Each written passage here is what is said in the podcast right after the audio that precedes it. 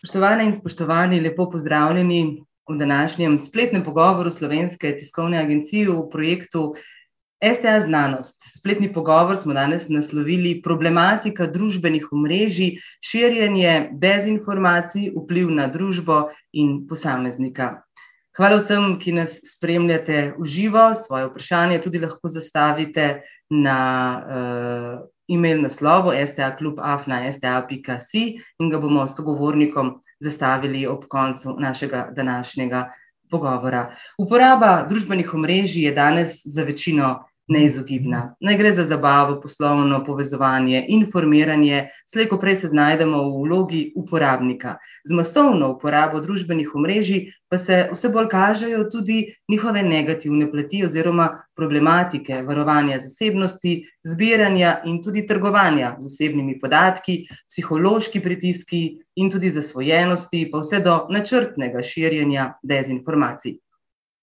Te tematike se bomo sedaj dotaknili v današnjem spletnem pogovoru skupaj z mojimi dragimi sogovorniki, raziskovalci, ki jih zelo lepo pozdravljam v živo. Doktorica Sonja Merljak-Zdovc, novinarka in urednica spletnega časopisa Časoris. Dober dan želim, pa doktor Dan Podjet, antropolog in predavatelj in naš današnji spremljevalec na poti v službo, bomo še rekli, pa dr. Muhamed Turkanovič, informatik, predavatelj in strokovnjak za kriptografijo in informacijsko varnost. Lepo pozdravljeni vsi. Torej, najprej, če gremo na resno plat družbenih omrežij, na njihovo problematiko. Širjanje dezinformacij, kako vse to vpliva na družbo in na posameznika. Mogoče najprej doktorica Sonja Merlak-Zdovc. Eh, Pandemija je pospešila že tako bliskovit proces digitalizacije vseh teh vrst socialnih interakcij. Kako vi gledate na ta trend?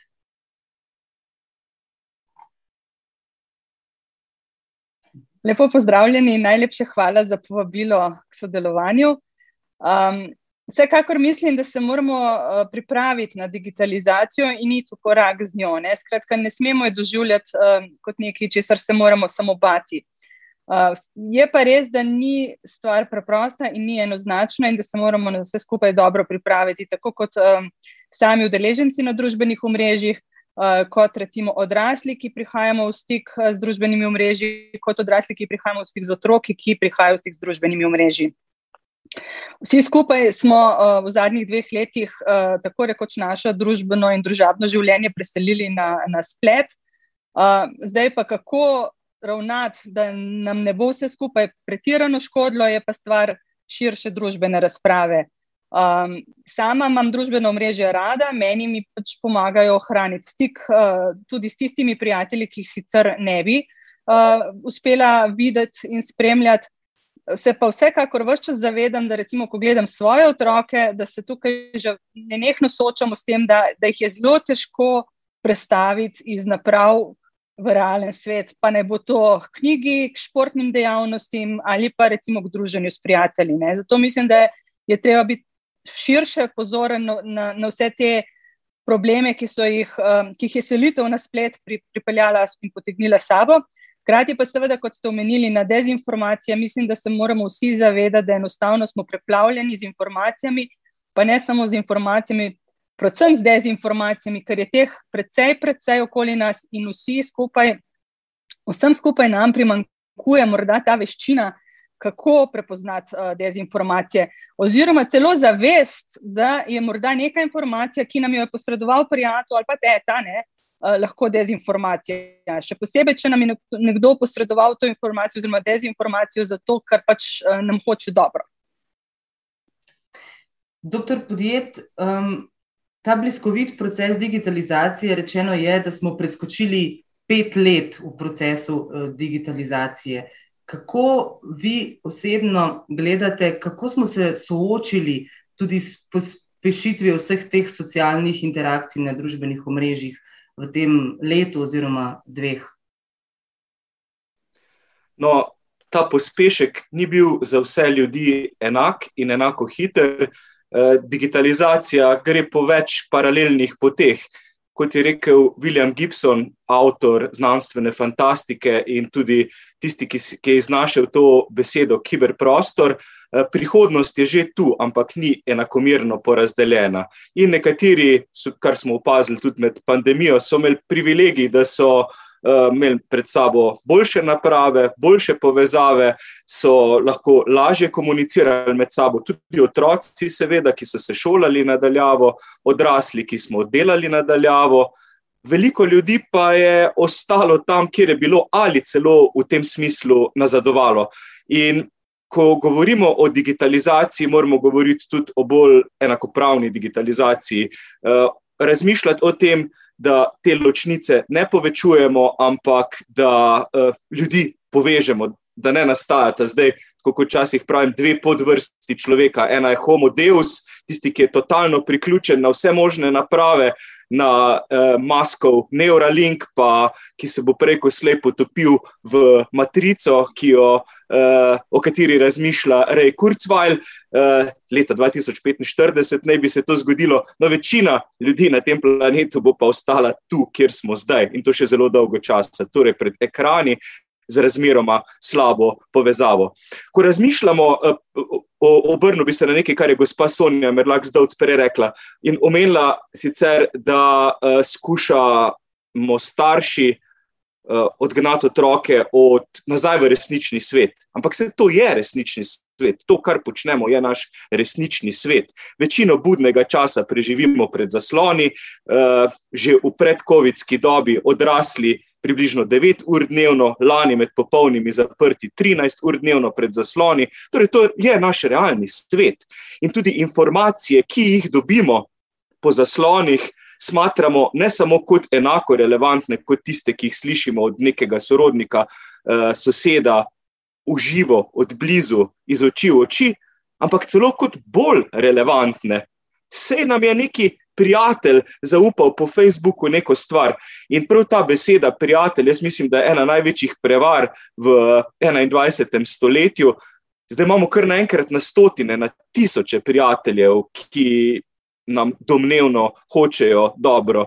Dejansko pa v fizičnem prostoru ostajamo vse bolj osamljeni. Tako prav uh, analize kažejo, da se je število dejanskih prijateljev zaradi um, omreženega življenja zmanjšalo. Pa še eno stvar bi dodal.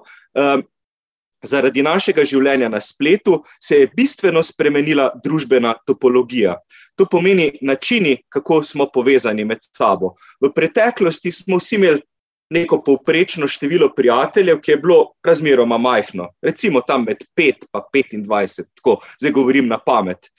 Zdaj pa živimo v uh, digitalnih okoljih, kjer se je število prijateljev v narekovajih izjemno povečalo, in nekateri so pri tem izjemno obogateli, si nakopičili več tega socialnega kapitala, večina nas pa ostaja razmeroma revnih. Revnih pomeni, da imamo samo 1000 ali pa 1500 povezav na Twitterju, recimo tisti ekstremno omreženi, pa jih imajo na milijone. Recimo Donald Trump je takrat, ko so ga ugasnili, nekdani ameriški predsednik, ugasnili, ugasnil ga je Twitter. Ne? Takrat je imel 83 milijonov povezav in je bil eden od žarišč infodemije.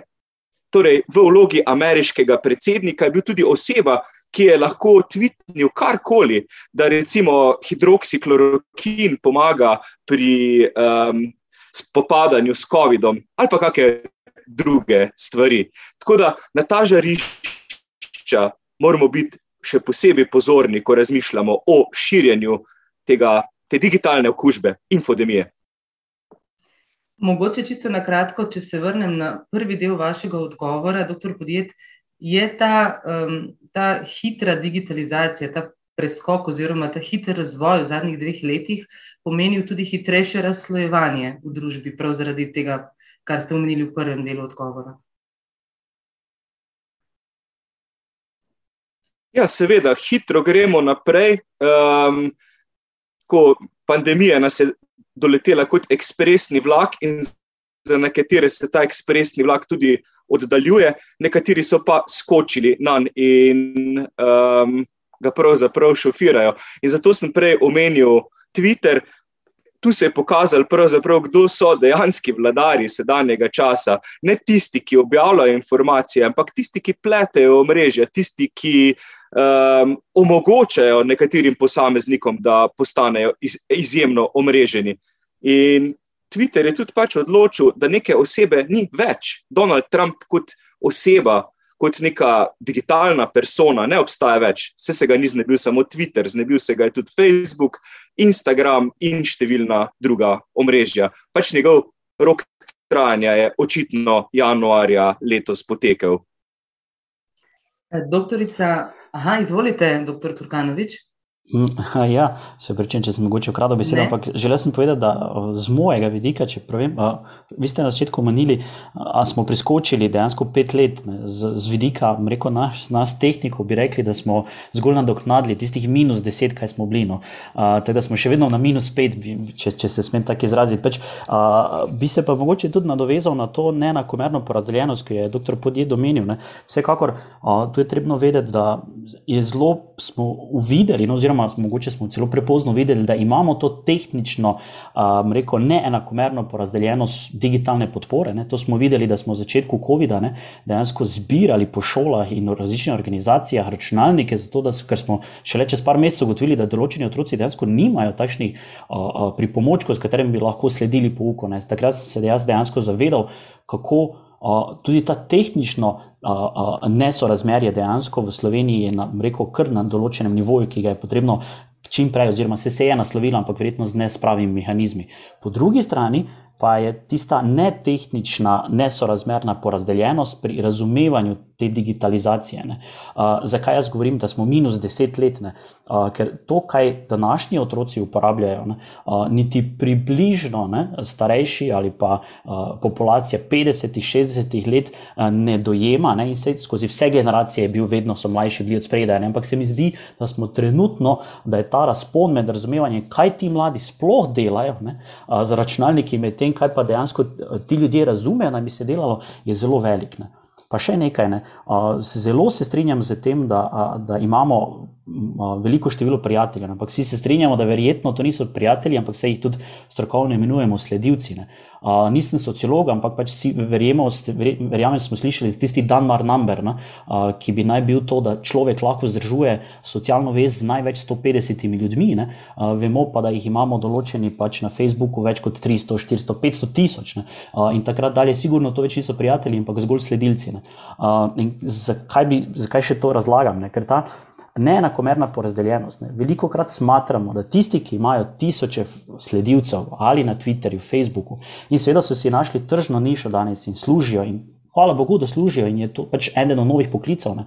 Ampak se včasih tudi dojema, da so to ljudje, ki so uh, zelo, bom rekel, uh, digitalno pismeni. Ne pač sej so, ne? ampak to še vedno ni tisto, kar bi mi, recimo, na tehničnih fakultetah želeli, da splošna populacija razume. Ne?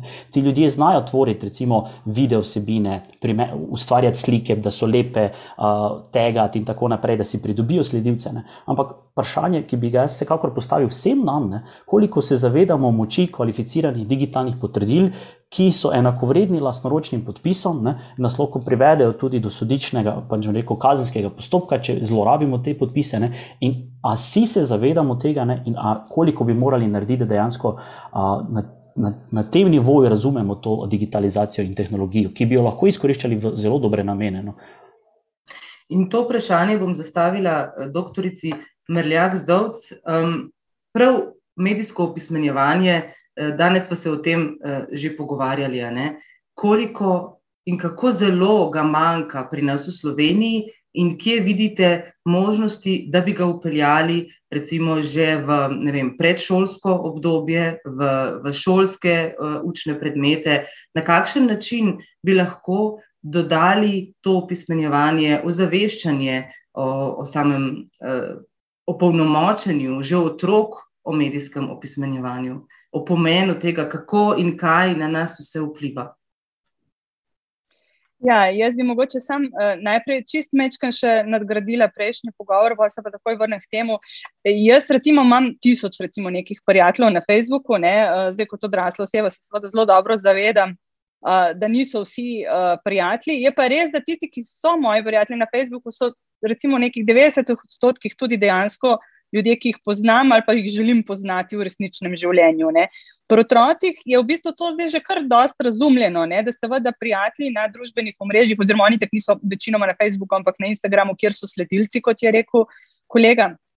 Oni to tudi že kar dobro usvojijo. Uh, dodala bi še glede teh influencerjev, ki so bili vplivnežav uh, omenjeni, ne, spravi. Um, oni morda znajo ustvarjati vsebine, je pa vprašanje, kako se zavedajo, kako te vsebine vplivajo. Skratka, jaz mislim, da tudi le ta medijska pismenost pa že vstopi v igro, ne samo digitalna pismenost, ampak tudi medijska pismenost, da se vsi skupaj zavedamo posledic naših objav in ravnanj. V, kot je rekel kolega uh, dr. Podjet, v, v realnem življenju, ne, ki je v bistvu virtualno, zdaj že realno naše življenje. Um, medijska pismenost, vsekakor, jaz sem velika zagovornica, da vstopi v osnovno šolo iz čisto praktičnega razloga, ker v osnovni šoli so vsi otroci, ne v vrtu, kot je sicer koristna tudi že v predšolskem obdobju, ne, tam seveda niso vsi otroci, ne, zaradi tega je mogoče ta osnovna šola tako zelo podarjena. Ne. In seveda, absolutno se zauzemam za to, da se začne že od prvega razreda naprej. Recimo, da nekje pri desetih letih otroci običajno dobijo mobilne naprave, pametne telefone in da potem tisti ta bolj ustrajni in prodorni starši tudi prepričajo, da jim ustvarijo profile na družbenih omrežjih, čeprav uradno po 13 letom starosti tega sploh ne bi smeli početi, ampak eh, realnost je taka, da to marsikdo naredi.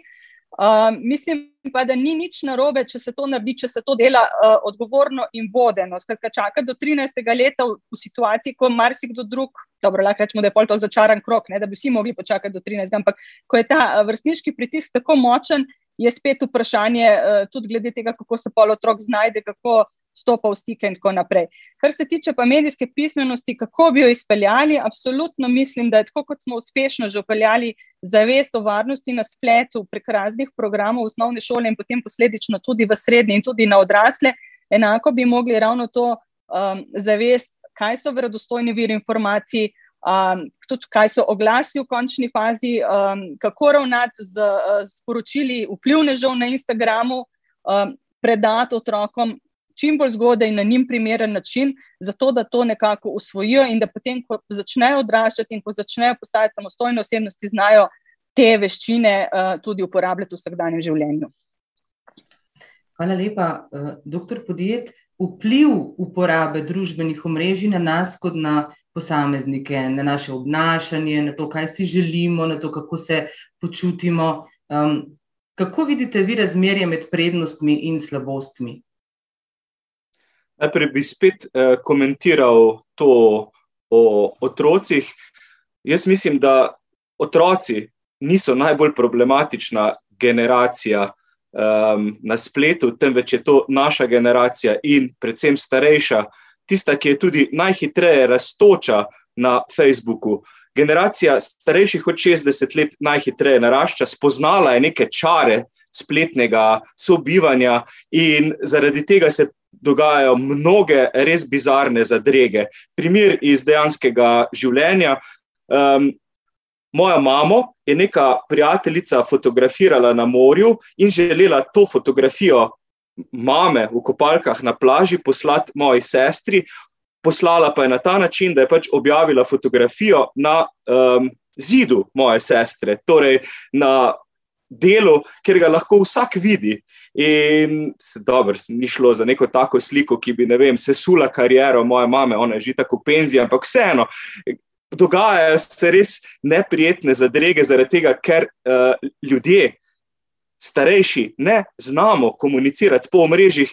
In sam se pogosto učim od mlajših, tudi od študentov, recimo, ki so bistveno bolj ozaveščeni kot starejši o tem, kako varovati svojo zasebnost, na katera omrežja se priklapljati, katere informacije deliti. Tako, um, recimo, pred leti, mislim, da je bilo dve, tri leta nazaj, sem fotografiral skupino študentov na naši fakulteti. To je bilo zadnjič, da sem to naredil, brez vprašanja. Zaradi tega, ker je prišla potem do mene študentka iz Nemčije in je rekla, če lahko, prosim, zbrišem vse fotografije, ki sem jih naredil, zaradi tega, ker ona ne želi biti prisotna ne na Googlu, ne na Facebooku, ne kjerkoli druge, ker zdaj jaz tole nameravam objaviti. In sem se seveda tega držal. In mislim, da moramo biti prvič malce bolj obzirni drug do drugega, ko objavljamo fotografije ali pa posnetke, ker zdaj je konec koncev vsak reporter z terena, vsak lahko gre kamorkoli, posname kogarkoli.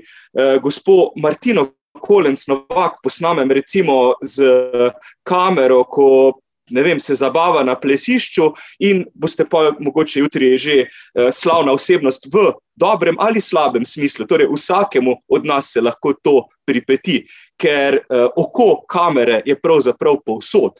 Živimo v ogromnem panoptiku, v stavbi, kjer nas z vseh strani gledajo kamere. In um, kot rečeno, mladi so na to oko kamere bistveno bolj pozorni kot starejši. Starejši niti ne opazijo, ali pa se sekirajo, če jih nihče ne fotografira. Tudi sami objavljamo, mislim, bistveno preveč fotografij vsakdanjega življenja.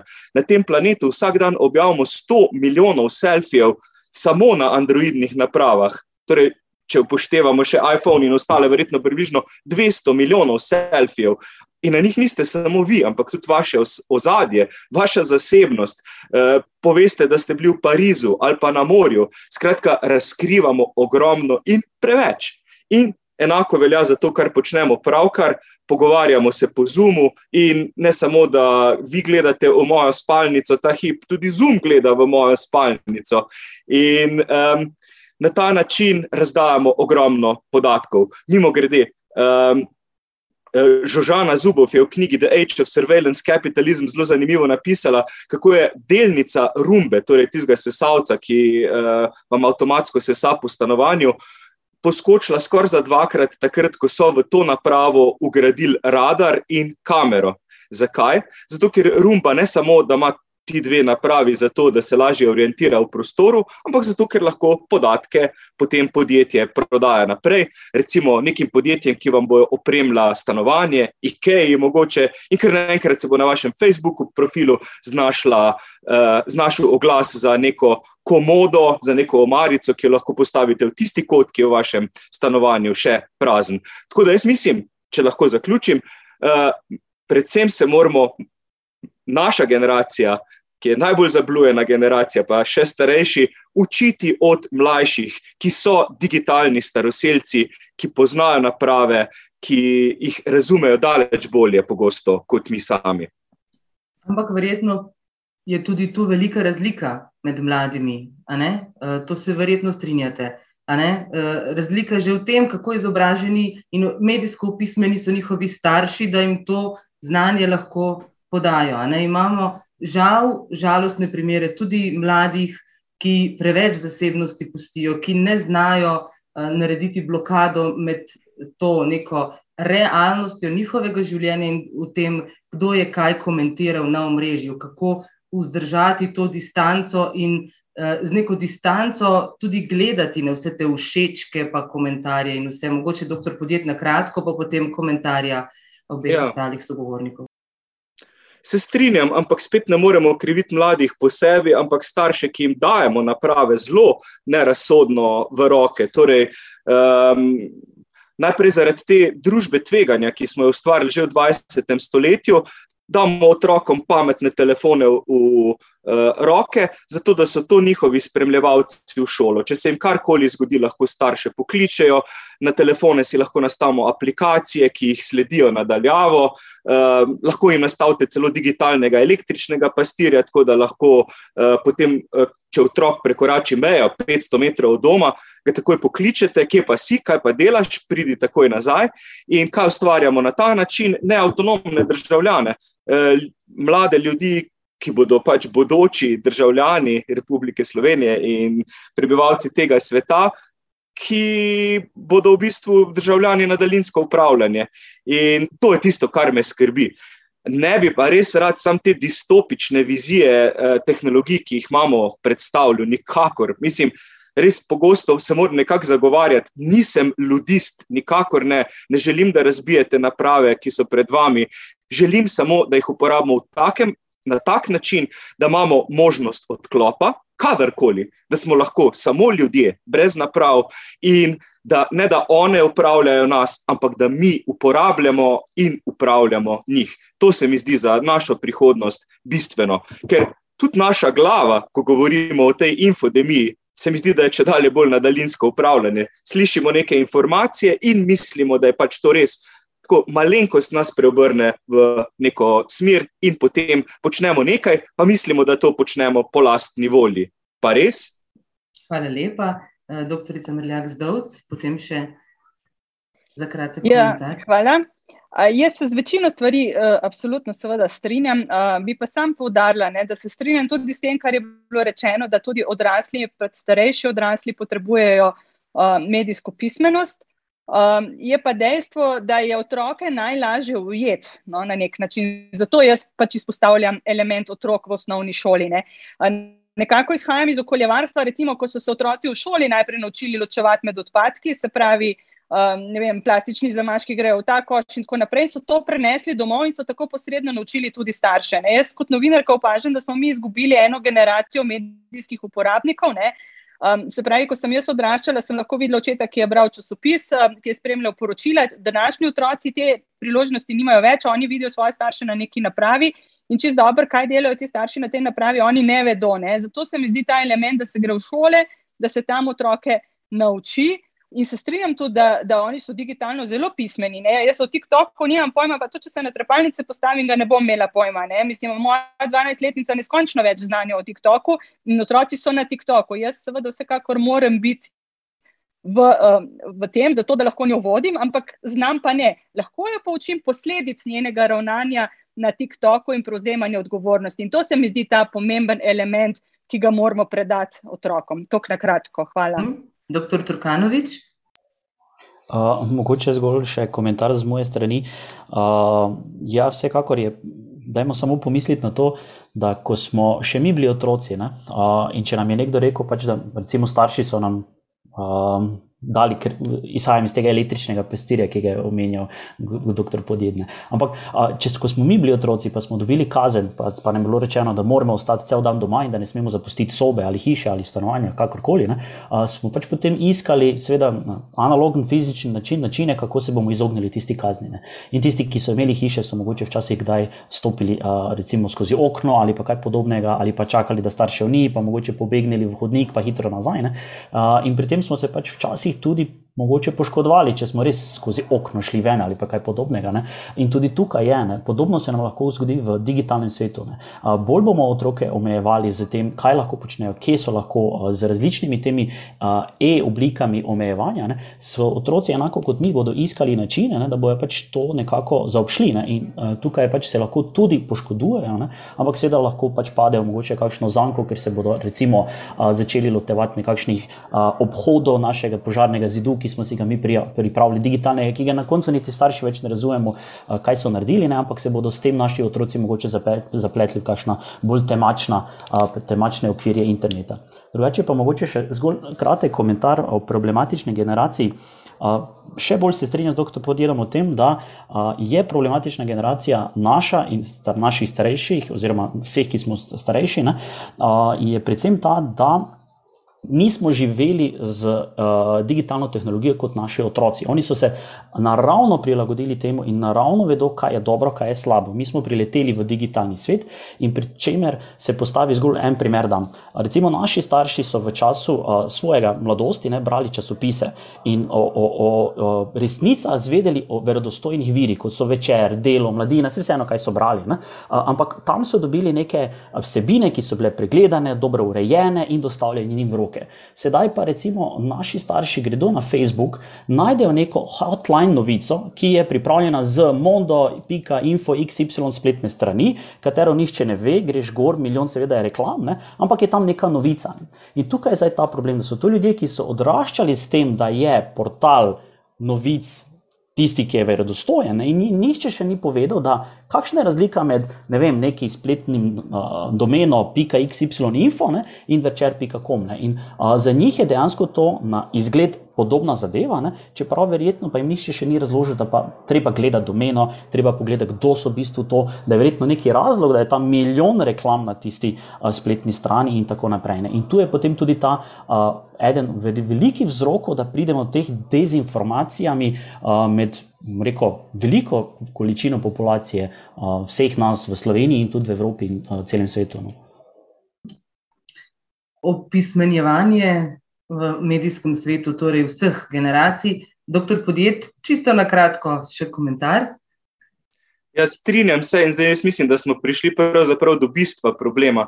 Živimo v kultu amaterizma, amaterskega novinarstva in amaterskih medijev, ki smo vsi mi. Tudi jaz sem medij, vi ste mediji, vsi tu, ki smo na zaslonu, smo mediji in vsi gledalci so pravzaprav mediji zase in imajo možnost ustvarjati uh, svoje uh, neke medijske vsebine, jih deliti z drugimi. Smo uh, distributerji vsebin, uh, scenaristi vsebin, režiserji vsebin, uh, kamermani, snemalci, novinari, vse v eni osebi.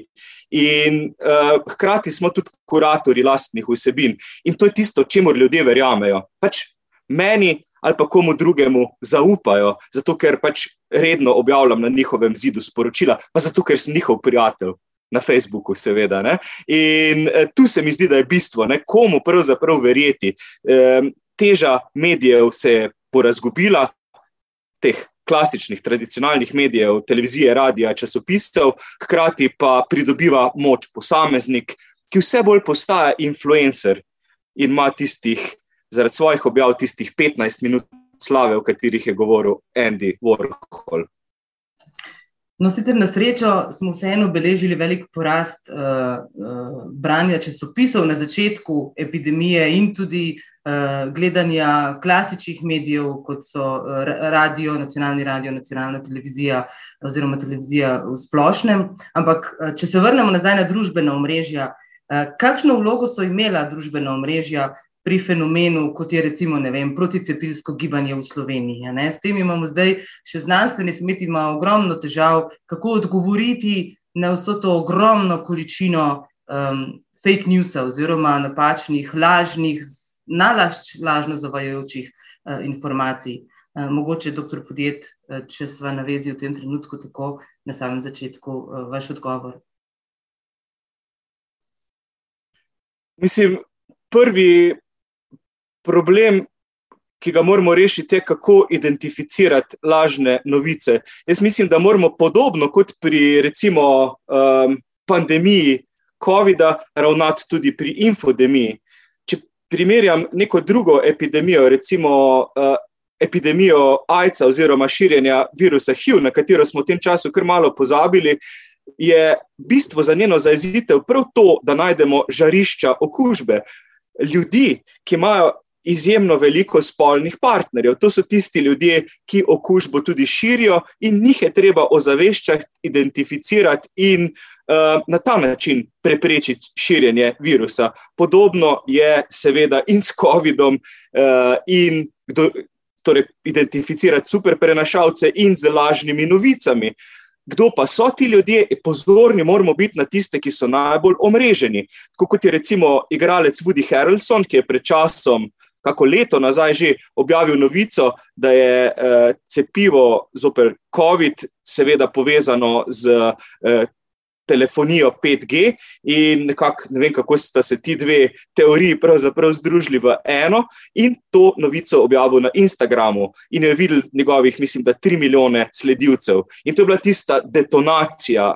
Atomska bomba. Mislim, če bi jaz to objavil, bi pač videl, ne vem, 2000 ljudi, on je pa v enem kliku v bistvu informacijo razširil med 2000, med uh, tremi milijoni ljudi. In um, hkrati je on oseba, ki ljudje zaupajo, se je vendar Woody Harrelson, se uh, smo ga videli, kako prepričljivo nastopa v vlogah, um, recimo v seriji um, True Detective in drugih. Tako da pač to je človek, ki mu zaupamo.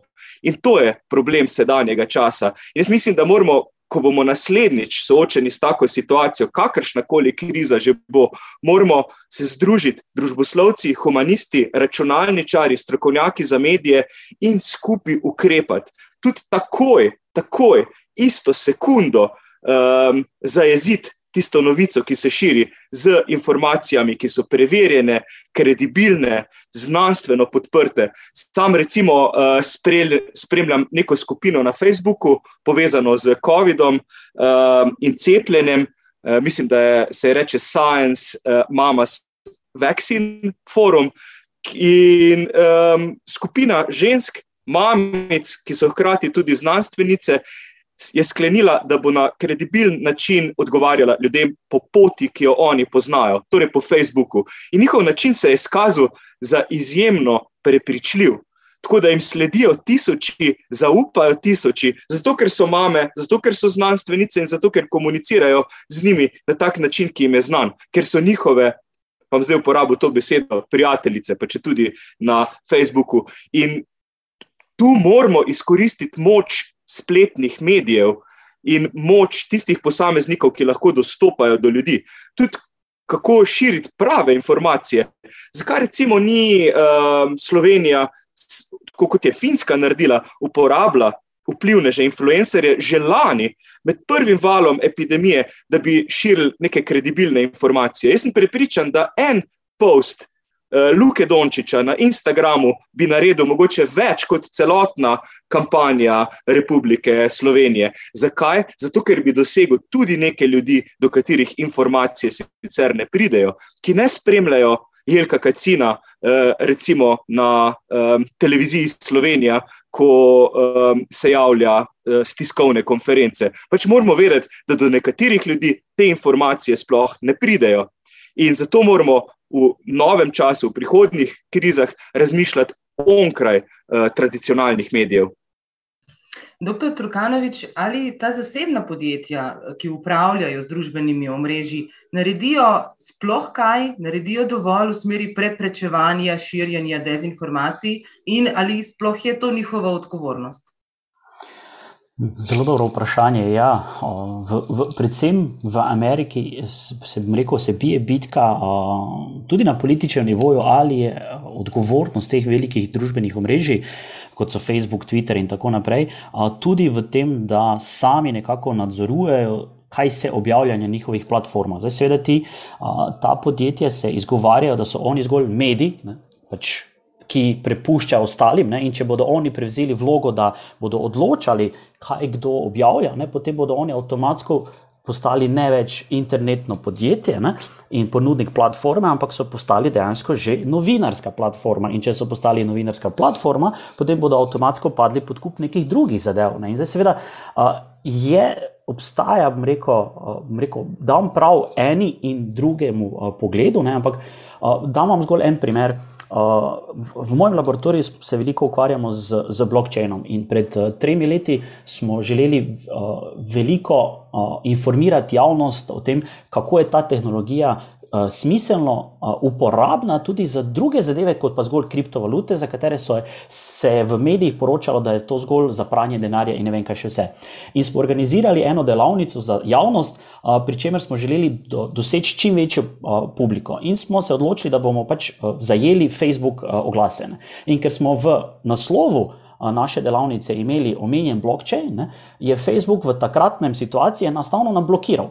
In za sedem dni objava ni stekla, zato ker so imeli algoritem, ki je develeval, da karkoli je povezano z blockchainom in kriptovalutami, enostavno blokirajo. Če tudi smo mi želeli informirati ljudi, kako je to dobro ali slabo.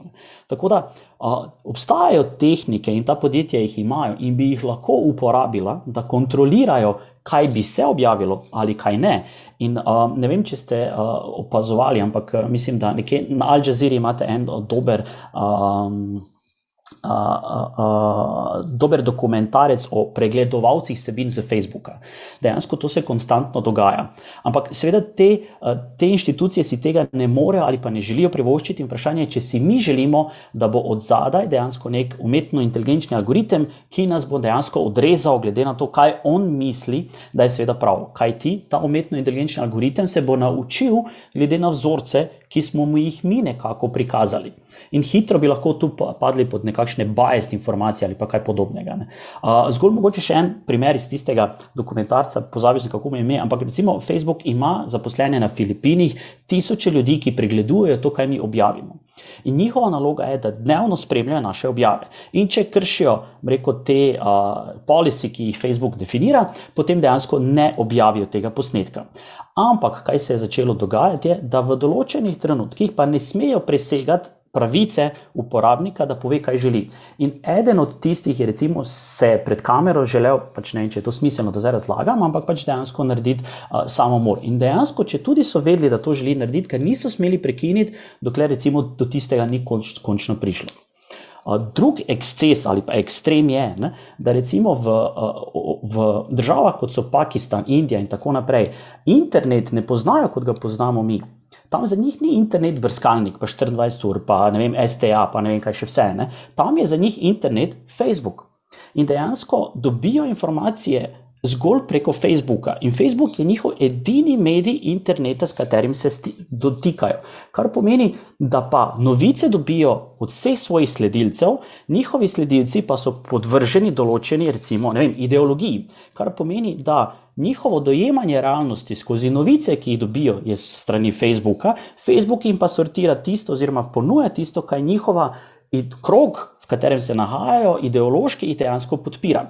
Tako da, recimo, enostavno nikoli ne bodo dobili neke kontrainformacije o tem, ali je določen dogodek uh, smiseln ali ne. Enostavno nima nekega okvirnega medija. Ne? In to ne govorimo o tisočih ljudeh, to seveda so Indija, Pakistan, to so milijoni ljudi, ki dejansko na ta način doživljajo internet, sicer ne dejansko kot mi, ko se na koncu še vsedemo za TV, pa mogoče še pogledamo recimo nacionalno televizijo in slišimo mogoče kaj bolj objektivnega.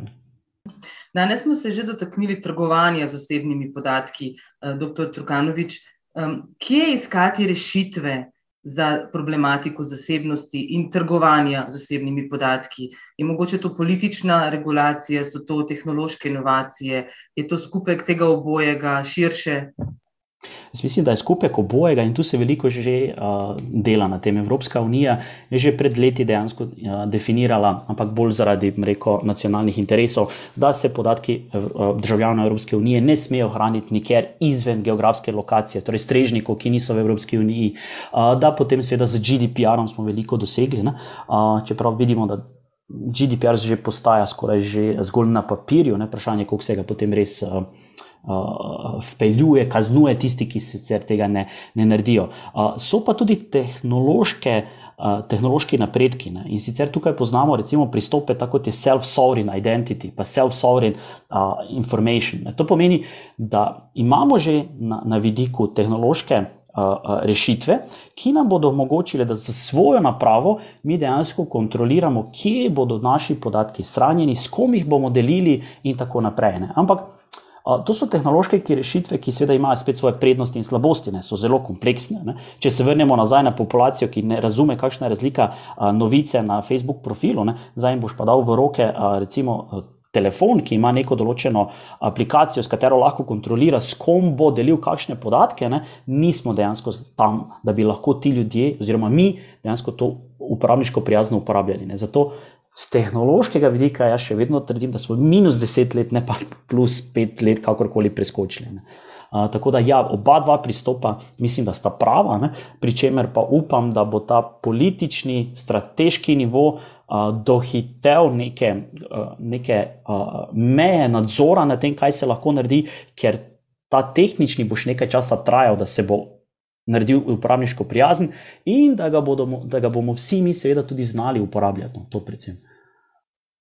Mogoče, doktor podjet, tudi politični se bojim, da je izjemno počasen na tem področju, ne? Eh, da nas eh, svet prehiteva, da nas oglaševalci prehitevajo, da nas tvorci družbenih omrežij blazno prehitevajo, da vejo o nas že dovolj za celo naše življenje, pa življenje otrok in vnukov. Ja, um, količina podatkov, ki jo vejo nas podjetja in tudi nadzorne institucije, kot je um, ameriška National Security Agency, so neverjetni. Um, Edward Snowden je v knjigi uh, Permanent Record uh, razkril, kako velika je ta količina podatkov. Uh, pojasnil je, da je že takrat, pred leti, zbrala NSA s pomočjo Google, Amazona in drugih podjetij, ki so posredovala podatke te instituciji, pet zetabajtov podatkov o ljudeh. To je pet milijard terabajtov. To pomeni, en računalnik, tako kot je mogoče zdaj pred vami, o vsakem od nas praktično na tem planetu.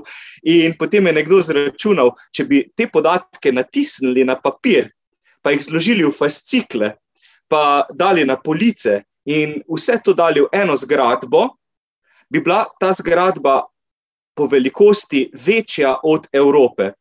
To pomeni, da ustvarjamo ta hip družbeni zemljevid, digitalni družbeni zemljevid, ki je večji od dejanskega družbenega zemljevida. Mislim, tudi Google ne pozablja tega, kar ste obtipkali vi leta 2013 v brskalnik, eh, ne pozabi tega, kar ste obtipkali včeraj. Mi pa govorimo pri ljudeh, da nimajo najboljšega kratkoročnega ali pa dolgoročnega spomina ljudje stvari pozabljamo, uh, odpuščamo, konec koncev, ta naša digitalna sled pa je izjemno dolga in na to pogosto pozabljamo, ko objavljamo informacije uh, po spletu. Še na eno stvar bi opozoril, o kateri še nismo rekli nič: zapiranje v informacijske mehurčke. Um, sam spremljam to temo. Ker sem tudi sam v svojem mehurčku, vse bolj očitno in skušam ne odprijateljiti ljudi, zaradi tega, ker razmišljajo drugače kot jaz, tudi če imajo drugačne mnenje o cepljenju, o COVID-u, o politiki, o čemerkoli, ker vem, da me vsaka taka odprijateljitev ali blokada omejuje v lastnem mehurčku. V Sloveniji se mi zdi, da smo ta hip res razcepljeni in to na najrazličnejše načine. Politično, na leve in desne, eh, na področju COVID-a, na tiste, ki zagovarjajo cepljenje, in tiste, ki ga ne. In v bistvu ne komuniciramo več med sabo, med temi skupinami, to se kvečemo še tako, kot s kakimi katapulti obstreljujemo nadaljavo, um, temveč komuniciramo samo v naši tej. Coni ugodja v našem mehurčku, kjer nam seveda vse, kar objavimo, vsi prikimavajo. Če pa kdo ne prikimava, ga pa seveda odstranimo.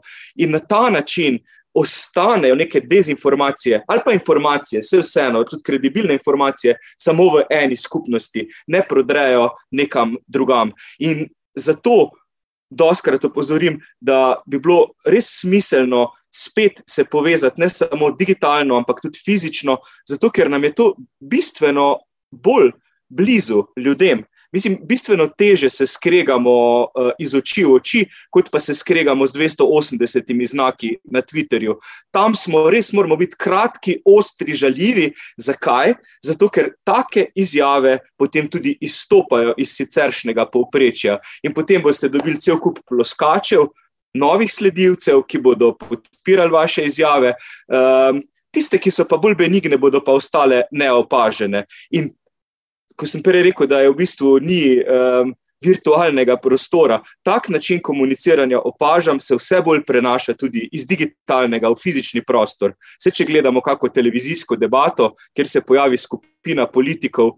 Ih je kar težko poslušati, moram priznati, zato ker govorijo podobno kot na Twitterju.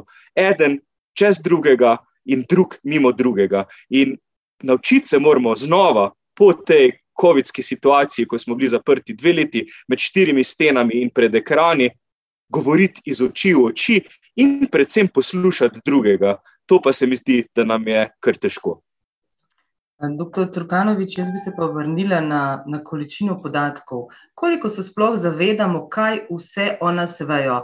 Pred kratkim uh, smo se v, v krogu prijateljev pogovarjali in je bilo slišati izjavo: Samo pomislil sem na ta nakup, pa se mi je že prikazalo na mojem družbenem omrežju. Um, kaj vse se o nas ve in kako v bistvu omejiti uh, vse te podatke, ki jih dajemo, če to želimo, seveda. Uh, v bistvu smo prišli do, do te hitrosti, ko želimo eh, na brskalnikih priti do svojega cilja tako hitro, da sprejmemo vse, kar je potrebno sprejeti, da pridemo do našega cilja brez razmišljanja. Ja, mogoče zgolj kot uh, za intermeco. Uh, imam eno prijateljico, ki, s kateri s, v družbi smo se ravno o tem pogovarjali, in je sama nekako omenila, da Pač nje pa je to všeč, nje pa je všeč, da uh, ko pa gre po nakupih, da dejansko potem dobi točno tisto, kaj, je, kaj, kaj, kaj ima rada. Uh, ja, pač to je sicer eden od, od načinov. Ne? Ampak uh, mogoče zgolj, da razložim, so, kje se vse zbirajo podatki. Zgorimo samo pa par primerov, da vam navedem. Uh, definitivno tisti, ki smo uporabili recimo Android telefonov, ne, uh, če si jih nismo pravilno nastavili, če smo si omogočili nekje, da podpiramo glasovno upravljanje telefonov, tam je med nastavitvami potem tudi ena od možnosti, da pomagamo Google, da sam se uči iz naših recimo uh, uh, uh, ukazov, kako bi nam pomagal. Ne, zdaj, takšne nastavitve dejansko skrivajo za seboj to, da mi Google in podobnim korporacijam dovolimo snemanje naših pogovorov. Tudi, recimo, ko se mi dejansko nismo kliknili gumb in rekli, ukaži, recimo, ne vem, pokliči, ne vem, ne vem, mamo ali nekoga. Ne? In dejansko ti telefoni v ozadju snemajo to, in zaradi tega boste vi, recimo, če ste se pogovarjali recimo, vem, o, o določenih superga, boste potem naslednji dan zvečer dejansko dobili tiste superge na Facebooku, ker imate te nastavitve omogočene. Ne? Zdaj, seveda, veliko nas si nima časa vzeti, pa iti vse tiste nastavitve, oziroma pri vzetu bi jih morali tako ali tako vse onemogočiti, pa omogočiti res tiste, ki si želimo. Ne. Drug primer je, uh, mi mislimo, da ko gremo na določeno spletno trgovino, ne, da si ta spletna trgovina zgolj zapomni, recimo naš IP naslov, pa kdo smo mi, recimo naš e-mail, pa niti približno ni tako. Uh, vi, mi imamo dejansko tako imenovane piškotke in seje, ko se prijavimo na te spletne strani, bodi si Facebook ali druge spletne trgovine. Ne. Iz teh piškotk fotov in iz teh sej se enormno informacij dobi. Recimo, dobi se, to, ne, dobi se zgolj to, da ste vi prijavljeni. Mi točno lahko vemo, z katere naprave ste prijavljeni, kateri uh, Windows uporabljate, ali uporabljate Windows 10, ali uporabljate vem, Linux, ali ste na telefonu. Če ste na telefonu, vemo dejansko, kakšen zaslon imate, kakšne velikosti imate. Glede na to, kakšne velikosti zaslon imate, vemo, kakšna je dejansko to naprava. Če vemo, kakšna je to naprava, vemo približno, kakšne velikosti so iPhone telefoni, kakšne velikosti so, eh, recimo Galaxy 10, ne, potem približno vemo, koliko je dejansko vaš premožni status. Potem ne samo to, vemo tudi dejansko tudi iz piškotkov, včasih tudi dobimo informacije, koliko baterije vam je še ostalo na telefonu. Dobimo kup nekih informacij, kakšno tipkovnico uporabljate. Tudi če ste se prijavili, recimo pa fejkate, da ste iz Amerike, pa uporabljate slovensko tipkovnico, se tudi to ve. Kup informacij je, za katere se uporabniki sploh ne zavedamo, da se o nas z vsakim klikom dejansko potem tudi hranimo. In, in a, mogoče, če se zgolj vrnem nazaj na, na komentar dr. Podjede.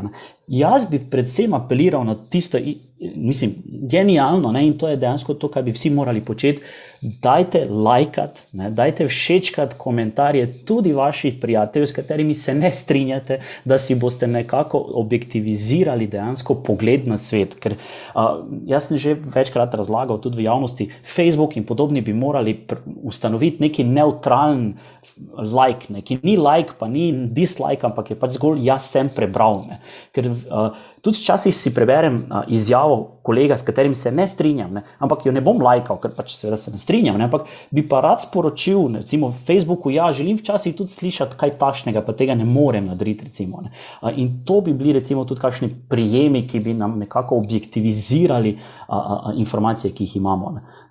Upam, da sem odgovoril na, na, na tisto prvotno vprašanje. Mhm. Zagotovo pa je širina tako enormna da se je ne zavedamo. Dvomim, da se je zavedala uh, v bistvu tudi mladina dan danes. Uh, je pa res, da imamo uh, že, kot ste omenili, kolegico, potrošnike, ki so veseli, da se jih spomni jeseni, da je potrebno preobuti uh, gume in seveda, oziroma pneumatike, uh, in zraven še katere točno. Eh, pa doktor podjet tudi začevlja, ne obstaja uh, kakšen oglas, ki se prikaže zelo hitro. Ja, hvala, da ste omenili ravno čevlje. Ena anekdota iz mojega resnične, resničnega, resničnega digitalnega življenja. Namreč eh, pred časom sem kupoval uh, neke čevlje iz tujine, ki so sicer precej dragi, in potem naenkrat zagledam na spletu oglas za te čevlje po izjemno ugodni ceni. Štirikrat cenejši so bili kot sicer, in seveda takoj kliknem na to eh, spletno stran, ki je bila videti res izjemno prepričljiva, vsaj v tistih prvih nekaj sekund, eh, v norveščini in angleščini. Torej, mislil sem, da kupujem eh, od norveškega podjetja. Potem, seveda, takoj kliknem na te čevlje, pustim številko svoje kreditne kartice. Um, in potem ponavadi me telefon opozori, da sem plačal s to kreditno kartico, takrat pa tega piska ni bilo. In potem se mi je zdelo nekaj čudno in se šel preverjati. in seveda ugotovil, da je to lažna spletna stran. Ko sem šel malo kopati po informacijah, sem ugotovil, da je stran, seveda ne na norveškem, ampak registrirana dejansko na kitajskem. Uh, bančni račun je bil odprt v Hongkongu in um, jaz sem bil tako razočaran sam nad sabo, tudi nisem totalni. Um, Ta nek novinec na digitalnem področju, očitno pa tudi nisem digitalni staroselec, da bi znal upravljati tako dobro s temi tehnologijami, da sem potem najprej pisal na neko spletno stran, ki je blokirala dejansko um, to spletno stran, ki je prodajala čevlje. Pač so dali na nek seznam, na neko črno listo, in čez, dve, čez dva dni te strani ni bilo več. Potem sem pa, paste to, v tem besu pisal uh, hongkonški policiji, kitajskemu notranjemu ministru in še na FBI, za vsak slučaj, kaj se mi je zgodilo. In um, s hongkonško policijo sem si še kar nekaj časa dopisoval, in potem so mi rekli, pa kje je registrirana ta trgovina, kakšen je njen naslov. In potem sem jim pač prevajal te podatke s pomočjo prevajalca v angleščino in se nekaj časa dopisoval z njimi. Rekli so, Uh, ja, na banki sem seveda poskušal stornirati plačilo, pa mi ni uspel. Rekli so mi, dajte malo počakati, mogoče bojo pa čevlji res prišli. No, leto kasneje sem si te čevlje kupil po redni ceni. Toliko o naši naivnosti in kako hitro pademo na neke lažne informacije zaradi neke take obstranske informacije, kot je cena. In jaz sem takrat bil pripravljen razdati vse svoje podatke o sebi, svoj naslov, številko bančne kartice in tako naprej. Tako da mislim, da res potrebujemo neko izobraževanje na tem področju, predvsem pa, da ne zaupamo slepo vsemu, kar uh, drugi objavijo na Facebooku ali pa na kakem drugem omrežju, ali pa kar sami izbrskamo. To so pač nekredibilne, nepreverjene informacije.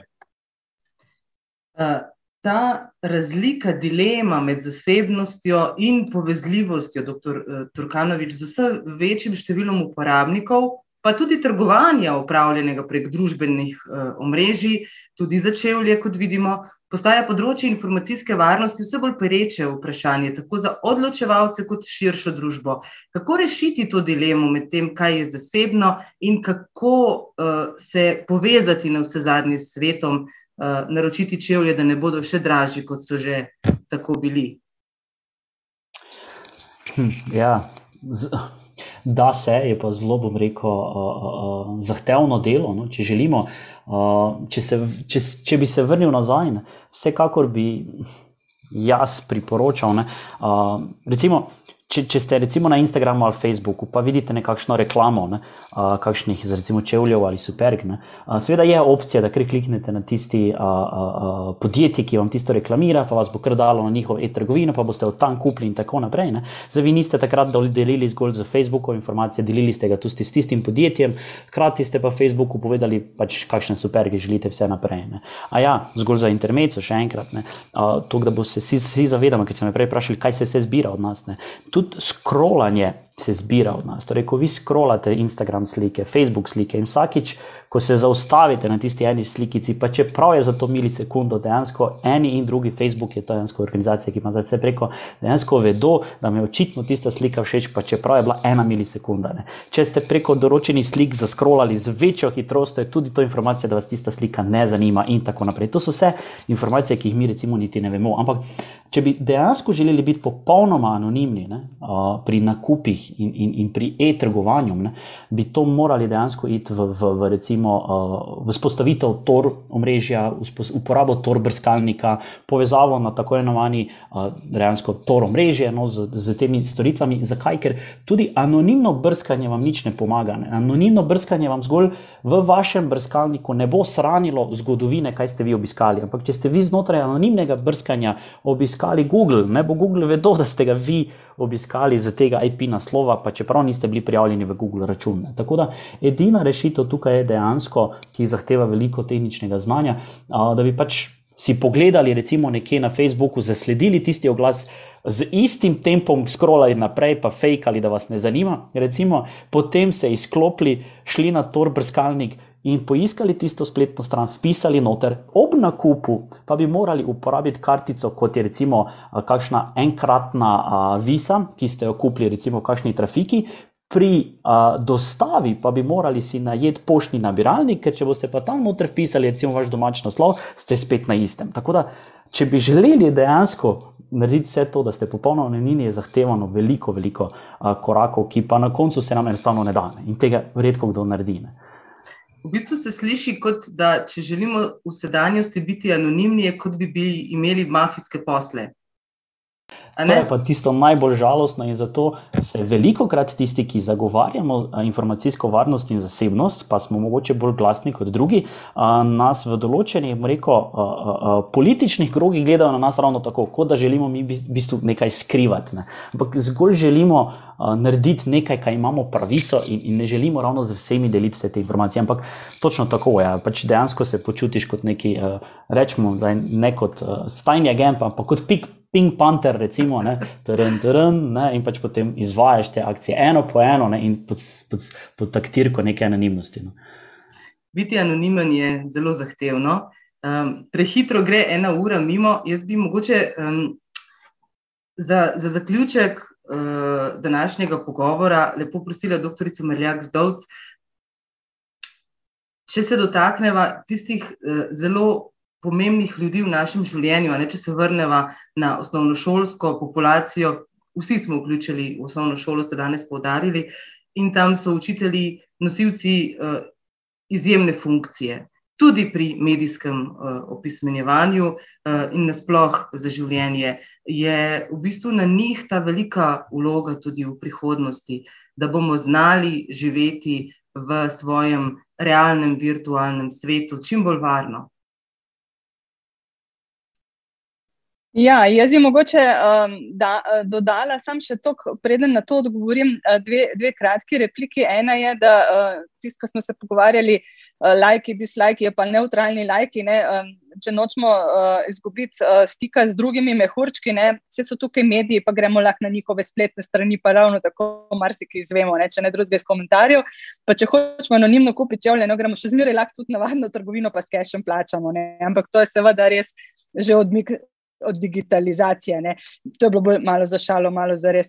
Um, jaz mislim, da je zelo pomembno, da se vsi zavedamo recimo enega osnovnega pravila. Če je nekaj preveč lepo, da bi lahko bilo resnično, uh, če je preveč grdo, da bi lahko bilo resnično, morda ni. Uh, če bi se držali tega nekega osnovnega napotka pri nakupu čevlju in česar koli drugega, ne, bi nam to že morda lahko pomagalo pri tem, da se odločimo. Če bodo učitelji znali to posredovati otrokom, mislim, da bomo že veliko dosegli. In če bodo otroci to znali posredovati naprej svojim staršem, bomo tudi, ali pa starim staršem, če govorimo še o tisti eh, generaciji, ki je morda malo uh, manj digitalno pismena, ne, uh, bomo tudi marsikaj že uh, posredovali. Pri tem pa se mi zdi zelo pomembno, da nekako uh, se držimo tega, da ne, postamo, ne postanemo preveč cinični ne, uh, in da nismo preveč naivni. Nekako, da poskušamo zbalansirati na tem spektru naš odnos do informacij uh, in do uh, virtualnega sveta, ki nas obdaja. Hvala lepa. Um, doktor Podjet, vi vedno znova podarjate, da moramo nujno skrbeti za nek reden odklop od nadzornih tehnologij in uh, za vsaj nekaj časa, vsak dan postati spet samo ljudje. Je to v bistvu ena ta pot nazaj k neki, bom rekla, normalni komunikaciji, ker nivo, ki smo ga sedaj dosegli, je daleč od tega. Verjetno res, pa veste zakaj? Zaradi tega, ker pač ljudje funkcioniramo tako, da um, smo vajeni gledati te naše uporabniške umestnike, ki se jim reče obraz. In če, če zreduciramo čustva samo na neki znakcev, na šest, kolikor mislim, da jih je na Facebooku, ali pa na palec na vzgor, pa palec na vzdolj, ali pa na en srček, izgubimo ogromno informacij. E, tudi zdaj, ko komuniciramo drug z drugim nadaljavo, komuniciramo komunikacija ni ista, kot če bi bili v istem prostoru, uh, ker se tudi že tu po spletu ogromno izgubi. Tudi gledamo drug mimo drugega. Jaz pač ne gledam vse čas v kamero, videti je tako, kot da ne gledam vas pravzaprav v oči. In zato priporočam, ja, mislim. Nikakor nisem proti digitalizaciji, ravno nasprotno. Jaz mislim, da zaradi digitalizacije smo tam, kjer smo, bolj povezani, mogoče boljša družba, v prihodnosti bomo lahko, upam, delali manj zaradi tega, ker bodo pametne naprave delale več na mesto nas. Um, hkrati pa moramo voditi še eno pot, ki se je reče dedigitalizacija. Želim si skratka, do leta 2030 bo na tem planetu od 25 do 100 milijard bolj ali manj pametnih naprav, povezanih v tako imenovani Internet of Things, torej uh, internet stvari. In to je kmalo, to je čez eh, osem let praktično, bomo že tam. In takrat si želim, predvsem, da nam te naprave dopustijo, da se odklopimo. In to bi moralo biti tudi vodilo Evropske unije, ko um, razvija naslednje korake splošne uredbe o varstvu podatkov, ki jo poznamo pod to zoprno kratico GDPR, da dopušča ljudem možnost odklopa. In varstvo lastnih podatkov. Še to je ena stvar, na katero dosti krat opozarjam. Mi smo glavna dobrina 21. stoletja in naši podatki. Zato moramo, menim, preobrniti ta poslovni model, eh, ko mi razdajamo podatke. In delamo brezplačno, zato pravim, da smo digitalni tlačani, ne samo, da živimo v digitalnem kapitalizmu, ampak smo tlačani digitalnega feudalizma in da začnemo varovati lastne podatke, tržiti lastne podatke, če jih nekdo želi kupiti, in da dobimo mi nek delež teh podatkov, ki so očitno tako dragoceni, da je šest od desetih najbogatejših ljudi ta hip na svetu, ki živi od naših podatkov. Tako da je mogoče to temelj univerzalnega temeljnega dohodka. Torej, to, da dobimo naročnino za svoje podatke, ki jih zdaj dajemo sicer na okolje brezplačno, 300 do 500 evrov mesečno, ne pa da mi plačujemo za naprave. 500 evrov, potem plačujemo mesečno naročnino za te naprave, pa še plačujemo za podatke, ki nam jih že enkrat poberejo. Pač ta, to logiko moramo nekako preobrniti. Upam, da nam bodo seveda dovolili. Hvala lepa, doktor Turkanovič. Kakšna je uh, prihodnost? Bomo lažje uh, imeli nazaj, oziroma dobili nazaj več svoje zasebnosti, če jo želimo. Uh, in ali bodo naši podatki nekoč uh, tako kot je dr. Podjet eh, omenil, nekaj vredni tudi za nas, bomo tudi mi imeli kaj eh, od tega, kdo smo, kaj si želimo. Mm, mislim, da um, samo umevno ne bo. V prihodnosti torej, se bo trend nadaljeval, vedno več informacij bomo delili naprej. Uh, jaz verjamem, da bo Evropska unija, verjamem, da bo tudi v Ameriki prišlo do sprememb, ne, ker vidim, da že, bom rekel, če se po domače izrazim, cotajo ta velike, ne, hočejo jih spraviti na manjše kočke, ker so enostavno postali preveliki, zdaj koliko se bo kapitalizem temu uprl ali ne, ne vemo. Ampak uh, ta trend se bo nadaljeval, če naredimo korak v tej smeri, da a, na neki strateški politični ravni omejimo zbiranje a, podatkov o državljanih in, in sveta, no, a, bo se bodo pač pojavile nove tehnologije, nove naprave, ki bodo na nek drug način začele zbirati podatke in bomo spet vedno v tem nekem zaostanku. Ne. A, bo pa in je trend, kaže v to smer, prišla tehnologija, ki nam bo omogočila, da bomo nadzirali te podatke na način, kot bomo to sami želeli, ampak že zdaj vem in lahko napovem, da to enostavno spet ne bo preprosto, ne? ker ne moreš to narediti enostavno uh, preprosto, ker potem bi morali imeti eno platformo, takih pa nimamo. In če nimaš eno platformo in ene domene in različnih zadev, potem enostavno to tehnično teže narediš in bi za vsako platformo, za vsako domeno moral upravljati vse sam. Rečeš, tej dovolim to, temu dovolim to, tak, in to enostavno se nam ljudem ne bo dalo, ker eno je, da imaš uh, eno zadevo, ki jo kontroliraš, drugo je pa, da se moraš za o milijonih zadevah potem uh, urejati. In tega enostavno ne predvidevam, da večina nas ne bo počela. No, kakšni nadobudneži, ki bo res imeli čas in voljo to delati, pa, pa bodo to naredili. No, Doktor podjetje vas sprašuje, če se lahko to uredi z blokčainom. Ja, ta self-sovereign identity, ne, torej v slovenščino pre, to prevajamo, ne samo upravljena identiteta, ne, dejansko izhaja iz blokčina, ki je bil ta decentralizacija. Ne, tako da, ja, delno vključuje to. Ne. Spoštovani, hvala lepa za izjemno zanimiv, poučen, uh, verjamem, da tudi osveščevalen uh, pogovor. Ja, doktor Turkanovič. Zgolj samo še za fun fact. Uh, ne vem, če poznate izraz metaverse. Uh, pač, Kako se nam to zdi bizarno ali ne, ne? zgolj ena informacija. Ne? Obstaja podjetje RKFKT, ki izdeluje digitalne čevlje, superge. Evo, informacija za dr. Podjeda, ko bo naslednjič kupoval, si lahko kupi digitalne čevlje. In to podjetje dobesedno vam izdeluje digitalne oblike, recimo Nikeov, Adidasov, ki jih uporabljate potem kot avatar v nekem digitalnem svetu. Ne? In uh, trenutno je Nike kupil to podjetje za 33 milijonov dolarjev. Uh, tako da verjetno jih niso kupili zato, da jih bodo vgasnili, ne? ampak ker pač dejansko se še bolj selimo v ta digitalni meta, meta svet ali matrica, kot je bilo na začetku omenjeno. Ja, zato, ker manj hodim, in tako manj rabim čevlje, tako da sem večinoma bos tukaj doma med štirimi stenami.